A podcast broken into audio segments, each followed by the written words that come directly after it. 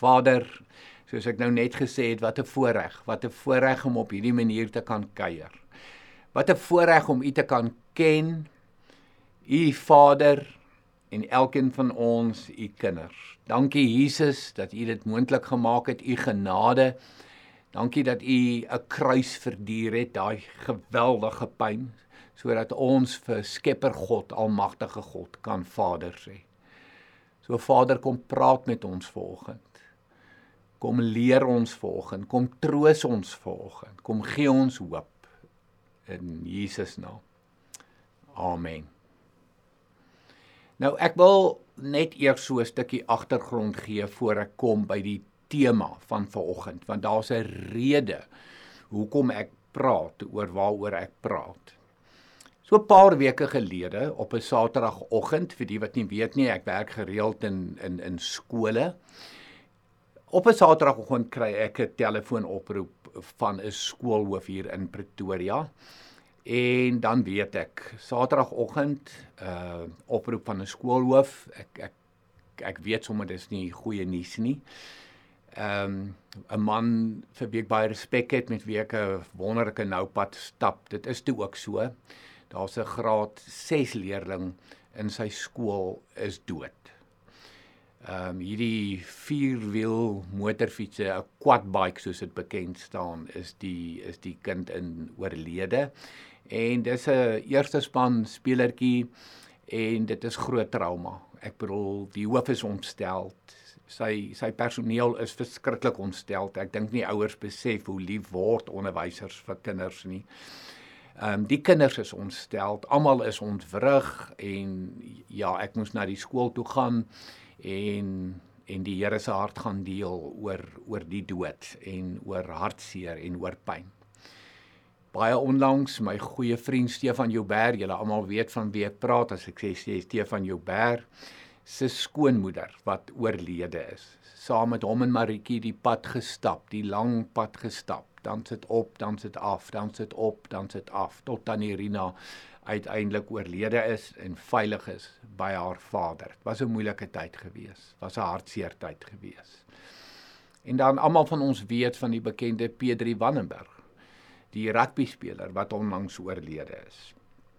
Tragies daar in Amerika met sy pragtige vrou en hulle en hulle twee kinders. Nou ek het vir Pedri baie goed geken vele gesprekke met Pedri gehad, so dit was vir my ook geweldig, geweldig hartseer. Hierdie soos ek hom leer ken het ook hierdie hierdie kolos van 'n man.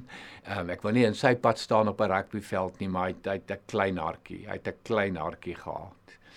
En baie onlangs, so die afgelope 2 maande, was daar een skool waar ek twee keer gaan praat het. Omdat twee kinders so 5 weke uitmekaar het, hulle self om die lewe gebring het. En daar's so 'n bietjie van die agtergrond hoekom ek gekies het om met jou te gesels oor hierdie tema vandag spesifiek die treur en die troos van die dood. Ek wil dit herhaal. Die treur en die troos van die dood. Nou mense 'n paar goed oor die dood en ons menslike reaksies op die dood, ons emosies, ons rou eerlike emosies op die dood. Wanneer ek ook daarmee gekom gekonfronteer word, is nommer 1 verlies. Dit is die ekstreemste verlies. Dit is die ergste verlies wat enige mens kan tref. Iemand naby aan jou, iemand wat jy goed ken, wat doodgaan. Daar's 'n gat want dit is verlies. Dit is 'n tragedie. Enige dood is 'n is 'n tragiese verhaal. Maak nie saak hoe die persoon dood is nie, dit is 'n tragedie. Uiteraard, soos ek reeds vir jou gesê het, is dit hartseer. 'n Mens se hart is seer oor hierdie verlies. En ek dink dit is verskriklik normaal om daardie hartseer te beleef en te ervaar en om eerlik met jou emosies te wees in 'n tyd van die heel ergste verlies wat wat daar is. En dan wil ek nou 'n vreemde ding sê. Enige dood is ontydig. Jy kry nie iets soos 'n tydige dood nie. Enige dood is ontydig. Dit kan 'n kind wees van 10 wat tragies oorlede is. Dit kan 'n 'n jong mens wees van 25 wat tragies oorlede wees. Dit kan 'n bejaarde van 85 wees wat oorlede is. Wanneer gaan ons sê dit was 'n tydige dood gewees? Dood is ontydig en dit tref ons baie baie hard. En nou moet ek vir jou baie baie eerlik sê, wanneer ek nou gekonfronteer word met die dood en en mense my byvoorbeeld skakel of kom sien omdat hulle hartseer is oor hierdie tragedie en oor hierdie verlies, dan is my eerste reaksie is maar doodgewone baie eerlike ene, baie rou ene wat net sê help Here. Hierdie is hartseer. Hierdie is baie baie sleg. Mense soek antwoorde en en daar daar is nie antwoorde nie. Help Here, gee ons hoop Here, want ek dink ek dink dis die een ding wat ons net altyd so nodig het, is hoop. Jy kan nie lewe as jy nie hoop nie. En selfs in hierdie in hierdie tyd van jou grootste verlies, hierdie ontydige dood van enige iemand naby aan jou, is hoop verskriklik belangrik. En dis dan wat ek nou met jou baie eerlik gaan wees. Ek hardloop na Paulus toe. Weet jy Paulus is die een persoon wat nie bang is om te praat oor die dood nie. Hy's nie bang om te skryf oor die dood nie. Hy help ons geweldig met die hartseer van die dood, maar ook met die hoop. Met ander woorde met die treur en met die troos van die dood. Help Paulus vir jou en vir my geweldig baie. En ek wil vier skrifgedeeltes gebruik by hierdie geleentheid. Spesifiek waar ek na die Here toe hardloop en sê Here help, help ons. Ons is stikkend, ons is seer.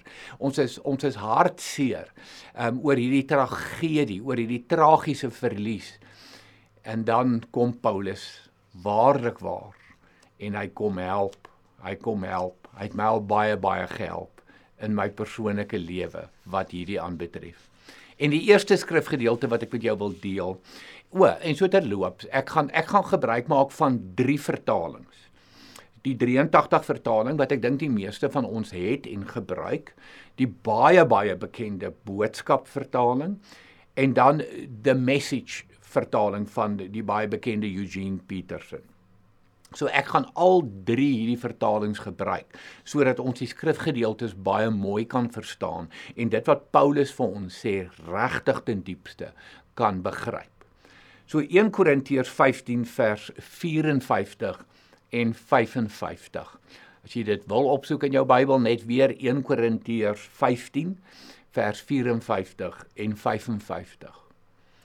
En wanneer hierdie verganklike liggaam met die onverganklike beklee is en hierdie sterflike liggaam met die onsterflike dan sal die woord wat geskrywe staan vervul word. Die dood is vernietig. Die oorwinning is behaal. Dood waar is jou oorwinning? Dood waar is jou angel Paulus is baie dapper hier. Baie baie dapper. Kom ons kom ons beklemtoon beklemtoon net so 'n paar woorde wat vir my uitstaan uit hierdie gedeelte wat ek dink belangrik is vir vir die boodskap by hierdie geleentheid. Nommer 1. Dit waarna jy nou kyk, as jy na my kyk, is 'n verganklike liggaam. En dit gaan eendag vervang word met die onverganklike. Dis 'n realiteit vir elke een van ons.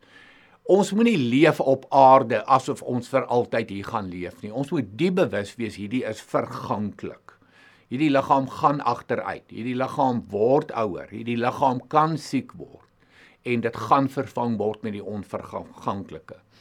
'n Ander ding van hierdie liggaam wat jy na kyk, dis 'n sterflike liggaam wat eendag met die onsterflike vervang gaan word.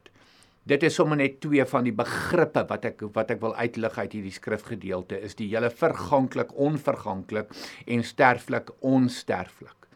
En dan wat Paulus so dapper maak in in hierdie gedeelte is die feit dat hy half die dood hier 'n 'n persoonlikheid gee. Dit is asof hy van die dood 'n persoon maak en met hom praat.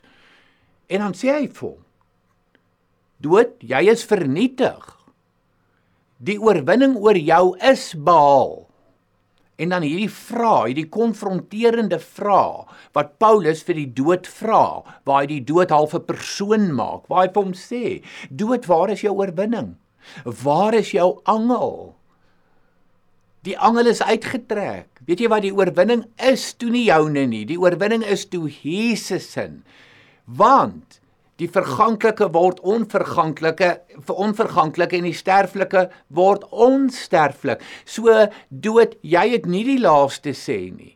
Jesus het die laaste woord. Jesus het die laaste sê.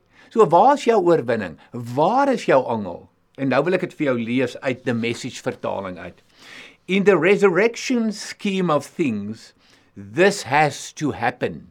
En wat nou volg is verskriklik belangrik everything perishable taken off the shelves and replaced by the imperishable. This mortal replaced by the immortal. Then the saying will come true. En hier kom die dapper woorde van Paulus. Death swallowed by triumphant life. Who got the last word, O death? O death, who's afraid of you now? Ons hoef nie bang te wees vir die dood nie die dood het nie die laaste woord nie. Dit word vir ons uitgespel. Ek wil 'n baie persoonlike ding met jou deel. So 5 jaar gelede is my jongste sussie Annerie baie baie skielik oorlede. Ek sal nooit vergeet hoe ek die oproep gekry het nie. Ek bly hier in Pretoria. Sy bly in Bloemfontein. Sy's 'n weduwee toe al vir 10 jaar gewees. Haar man is in 'n tragiese motorongeluk oorlede, maar my skoonseun bel my. En ek het 'n pragtige skoonseun met wie ek verskriklik goed oor die weg kom. Maak altyd baie grappies as ons met mekaar praat oor die foon en onmiddellik die oggend tel ek net op. Dis nie nou tyd vir grappies nie. En al wat hy vir my sê is: "Pa, tannie Annerie is dood. Tannie Annerie het nie wakker geword vir oggend nie." En dit was devastating. Dit was verwoestend. Want ek en my sussie was so. Ons was die die twee ekstroverte in die familie. Ons was die twee sportiewes in die familie. Dis dis ons wat grappies gemaak het en mekaar aangemoedig het en en die lewe saam geniet het en ek het haar geweldig ondersteun in die tyd dat sy weduwee was ook drie pragtige dogters. Maar om 'n lang storie nou kort te maak. Ek het die voorreg gehad en dit was 'n verskriklike verskriklike moeilike ding wat ek gedoen het om haar begrafnis waar te neem. Ehm um, en ek sal nooit vergeet nie. Ek het vir myself gesê ek gaan een ding doen en ek het dit gedoen. Ek het reg aan die einde van die begrafnis by haar kus gaan staan en ek het so aan die kus geraak. Die bewus, dit is nie waar sy is nie. Die bewus dat sy is by die Here. Maar dit was my verskriklik moeilik En toe lees ek hierdie woorde van Paulus: Dood, waar is jou oorwinning? Waar is jou angel? En ek besef my sussie, my geliefde sussie se liggaam is in daardie kus. Maar dit is die realiteit. Dis die realiteit, dis die hoop. So in ons treur is dit ons troos die dood het nie die laaste sê nie, het nie die laaste woord nie. 'n Tweede skrifgedeelte wat ek graag met jou wil deel is 1 Tessalonisense 4 vers 13 en 14. Paulus weer wat skryf: Moenie so hartseer wees soos ongelowiges wat geen hoop het wanneer hulle geliefdes doodgaan nie. Ons glo immers dat Jesus gesterwe maar ook opgestaan het. Net so glo ons ook dat God saam met Jesus die ontslapenis wat in hom geglo het na hom toe sal neem.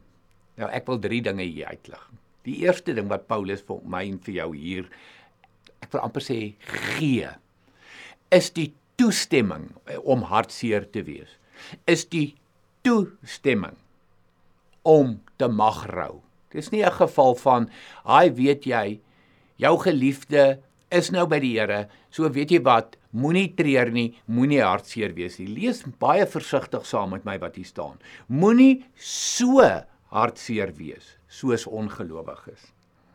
Met ander woorde, wees hartseer. Daar jy, jy kry die toestemming om hartseer te wees. Jy kry die toestemming om te rou.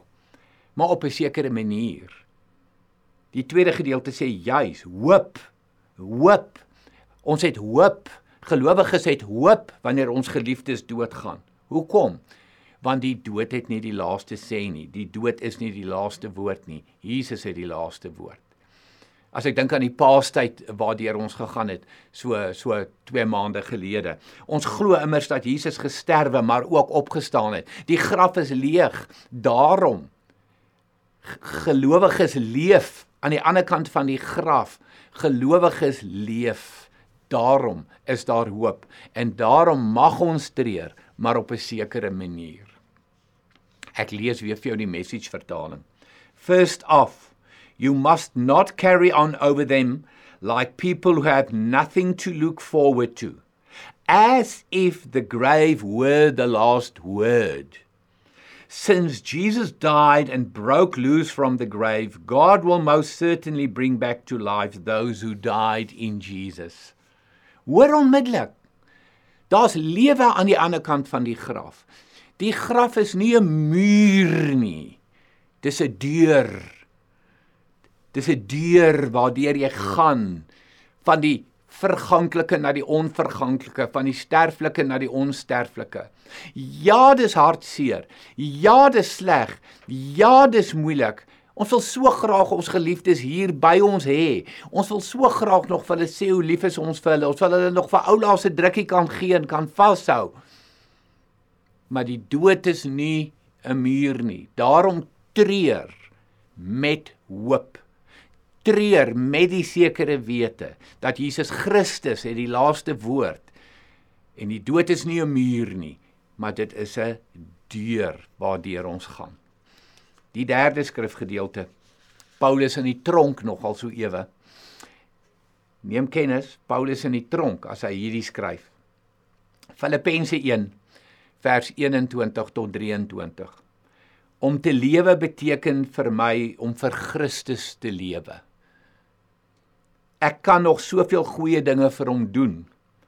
Maar om te sterf sal aan die ander kant ook nie vir my sleg wees nie. Ek moet regtig erken as ek tussen lewe en dood moet kies, weet ek weet ek nie wat watter een ek sou kies nie. Ek voel soos iemand wat in twee verdeel is. Aan die een kant wil ek graag by Christus wees. Wat kan nou beter en lekkerder wees as dit? Het jy al ooit so aan die dood gedink? Ek wil my geliefde by my hê. Ek wil my geliefde terug hê. Maar hoor wat sê Paulus oor die dood. As ek moet kies tussen die twee, is dit 'n baie moeilike keuse. Die lewe hier saam met julle of die lewe aan die ander kant van die graf saam met Christus. Dis 'n baie baie moeilike keuse en hy gebruik die woorde wat kan nou beter en lekkerder wees as dit? Die Engelse vertaling van Eugene Peterson, die the message sê Alive, I'm Christ's messenger. Dead, I'm his bounty. Life, even more life. E life versus even more life. Kom ek herhaal hierdie net weer. Life versus even more life. So wat sê hy? Aan hierdie van die kant van die graf lewe, oorvloedige lewe, oorwinningslewe, saam met al die pyn en al die seer van die van die van die lewe. Ja, maar hier's lewe. Wat is aan die ander kant van die graf? Lewe, life versus even more life. I can't lose. As long as I'm alive in this body, there is good work for me to do. If I had to choose right now, I hardly know which I choose. Hard choice. It's a moeilike keuse. It's a harde besluit wat ek moet neem. The desire to break camp here and be with Christ is powerful. Some days I can think of nothing better. Mense hoor hoor hoe eerlik praat Paulus oor die dood. Hy's nie geheimsinnig daaroor nie. Hy's nie skaam daaroor nie. Hy sit sy hart op die tafel as hy sê as ek moet kies tussen lewe hier en lewe daar, dis 'n baie moeilike keuse. Wat hy toe uiteindelik gekies het, hy sê ek kies vir lewe hier ter wille van julle. Ter wille van julle kies ek lewe hier. En ons weet dat Paulus is wreed dood en ons weet waar's Paulus vandag. Hy is bekleed met die onverganklike, die onsterflike. Hy is by Jesus. Wat kan nou lekkerder wees as dit? Wat kan nou beter en lekkerder wees as dit om sy eie woorde te gebruik in Filippense 1? Dit is waar hy is op die oomblik. En dit is die dood. So ons sit baie keer met hierdie ding van ons geliefdes wat wat nie meer met ons is nie. Maar dalk is hulle besig en is hulle op 'n plek wat baie beter is en lekkerder is as wat dit hier sou gewees het in hierdie wrede ongenaakbare wêreld. En dan 'n laaste skrifgedeelte wat ek vreeslik graag met jou wil deel, is Paulus in 2 Korintiërs 5. Ons weet dat wanneer ons aardse woning wat maar 'n tent is, afgebreek word, ons 'n vaste gebou in die hemel het. So weer as jy as jy as jy kyk na my, dan sien jy 'n tent. Jy sien 'n tent, jy sien nie 'n vaste gebou nie. Jy sien 'n verganklike, jy sien 'n sterflike. Jy sien 'n tent, eendag vaste gebou in die hemel. Dit is 'n woning wat nie deur mense gemaak is nie, maar deur God en dit bly ewig staan. En dis waartoe ek en jy op pad is. En dit kry ons net aan die ander kant van die graf. Hartseer vir die wat agterbly. Traumaties vir die wat agterbly. Dis treur vir die wat agterbly. En ons ons het mos nou gehoor, Paulus sê jy mag treur. Jy mag hartseer wees maar ons doen dit met hoop. Ons doen dit met hoop. For instance, we know that when these bodies of ours are taken down like tents and folded away, they will be replaced by resurrection bodies in heaven, God made, not handmade. And we'll never have to relocate our tents again. En hierdie is vir my so mooi. God made, not handmade die vaste gebou aan die ander kant. God made vir ewig, vir ewig by God. Die beter plek, die lekkerder plek. En is as ek deur hierdie skrifte so praat en so werk, soos jy net nou gehoor het, ek is nie gevrywaar van hierdie goeters nie. Ek is nie gevrywaar van mense om my wat doodgaan nie. Inteendeel, ek werk baie daarmee en dit bly vir my swaar en dit bly vir my hartseer en dit bly vir my moeilik. Maar dankie Paulus vir die hoop wat jy ons gee. Dankie Here dat hierdie in u woord staan sodat ons hoopvol na die dood kan kyk. Nie net die treurkant nie, maar ook die trooskant. So jy mag treur. Maar terwyl ons treur, gaan ons weet daar is hoop. Ons mag treur, maar ons gaan weet terwyl ons treur, daar is 'n hemel. Ons gaan dit doen met die wete. Die dood het nie die laaste woord nie. Die dood het nie die laaste sê nie. Jesus het die laaste sê. Die dag toe hy opgestaan het uit die graf, het hy die angel van die dood uitgetrek. Hy die oorwinning van die dood 'n streep kom deurtrek. Jesus het die oorwinning behaal en daarom ja ons is hartseer, ja ons treur. Maar ja, ons het troos, ons het hoop. Mag hierdie jou help om vir altyd anders na die dood te kyk. Spesifiek vir jou wat hierdie so nodig het, wat dalk erg verlang na iemand naby aan jou wat jy verloor het. Mag hierdie jou weer nuwe hoop gee en 'n nuwe energie en 'n nuwe passie om voluit te leef. Kom ek bid vir ons. Vader, dankie dat U hierdie moontlik gemaak het. Treur saam met troos. Treur saam met hoop ten spyte van die grootste grootste verlies. Die oorwinning lê in die leë graf, die feit dat Jesus opgestaan het. Dood, waar is jou angel? Waar is jou oorwinning? Nee, Jesus het die laaste sê. Jesus het die laaste woord. En daarom kan ons en sal ons altyd hoopvol bly en hoopvol leef. Dankie vir nuwe hoop vandag, Here. En dankie dat U sommer trane self kom afdroog ook vandag in Jesus naam. Amen.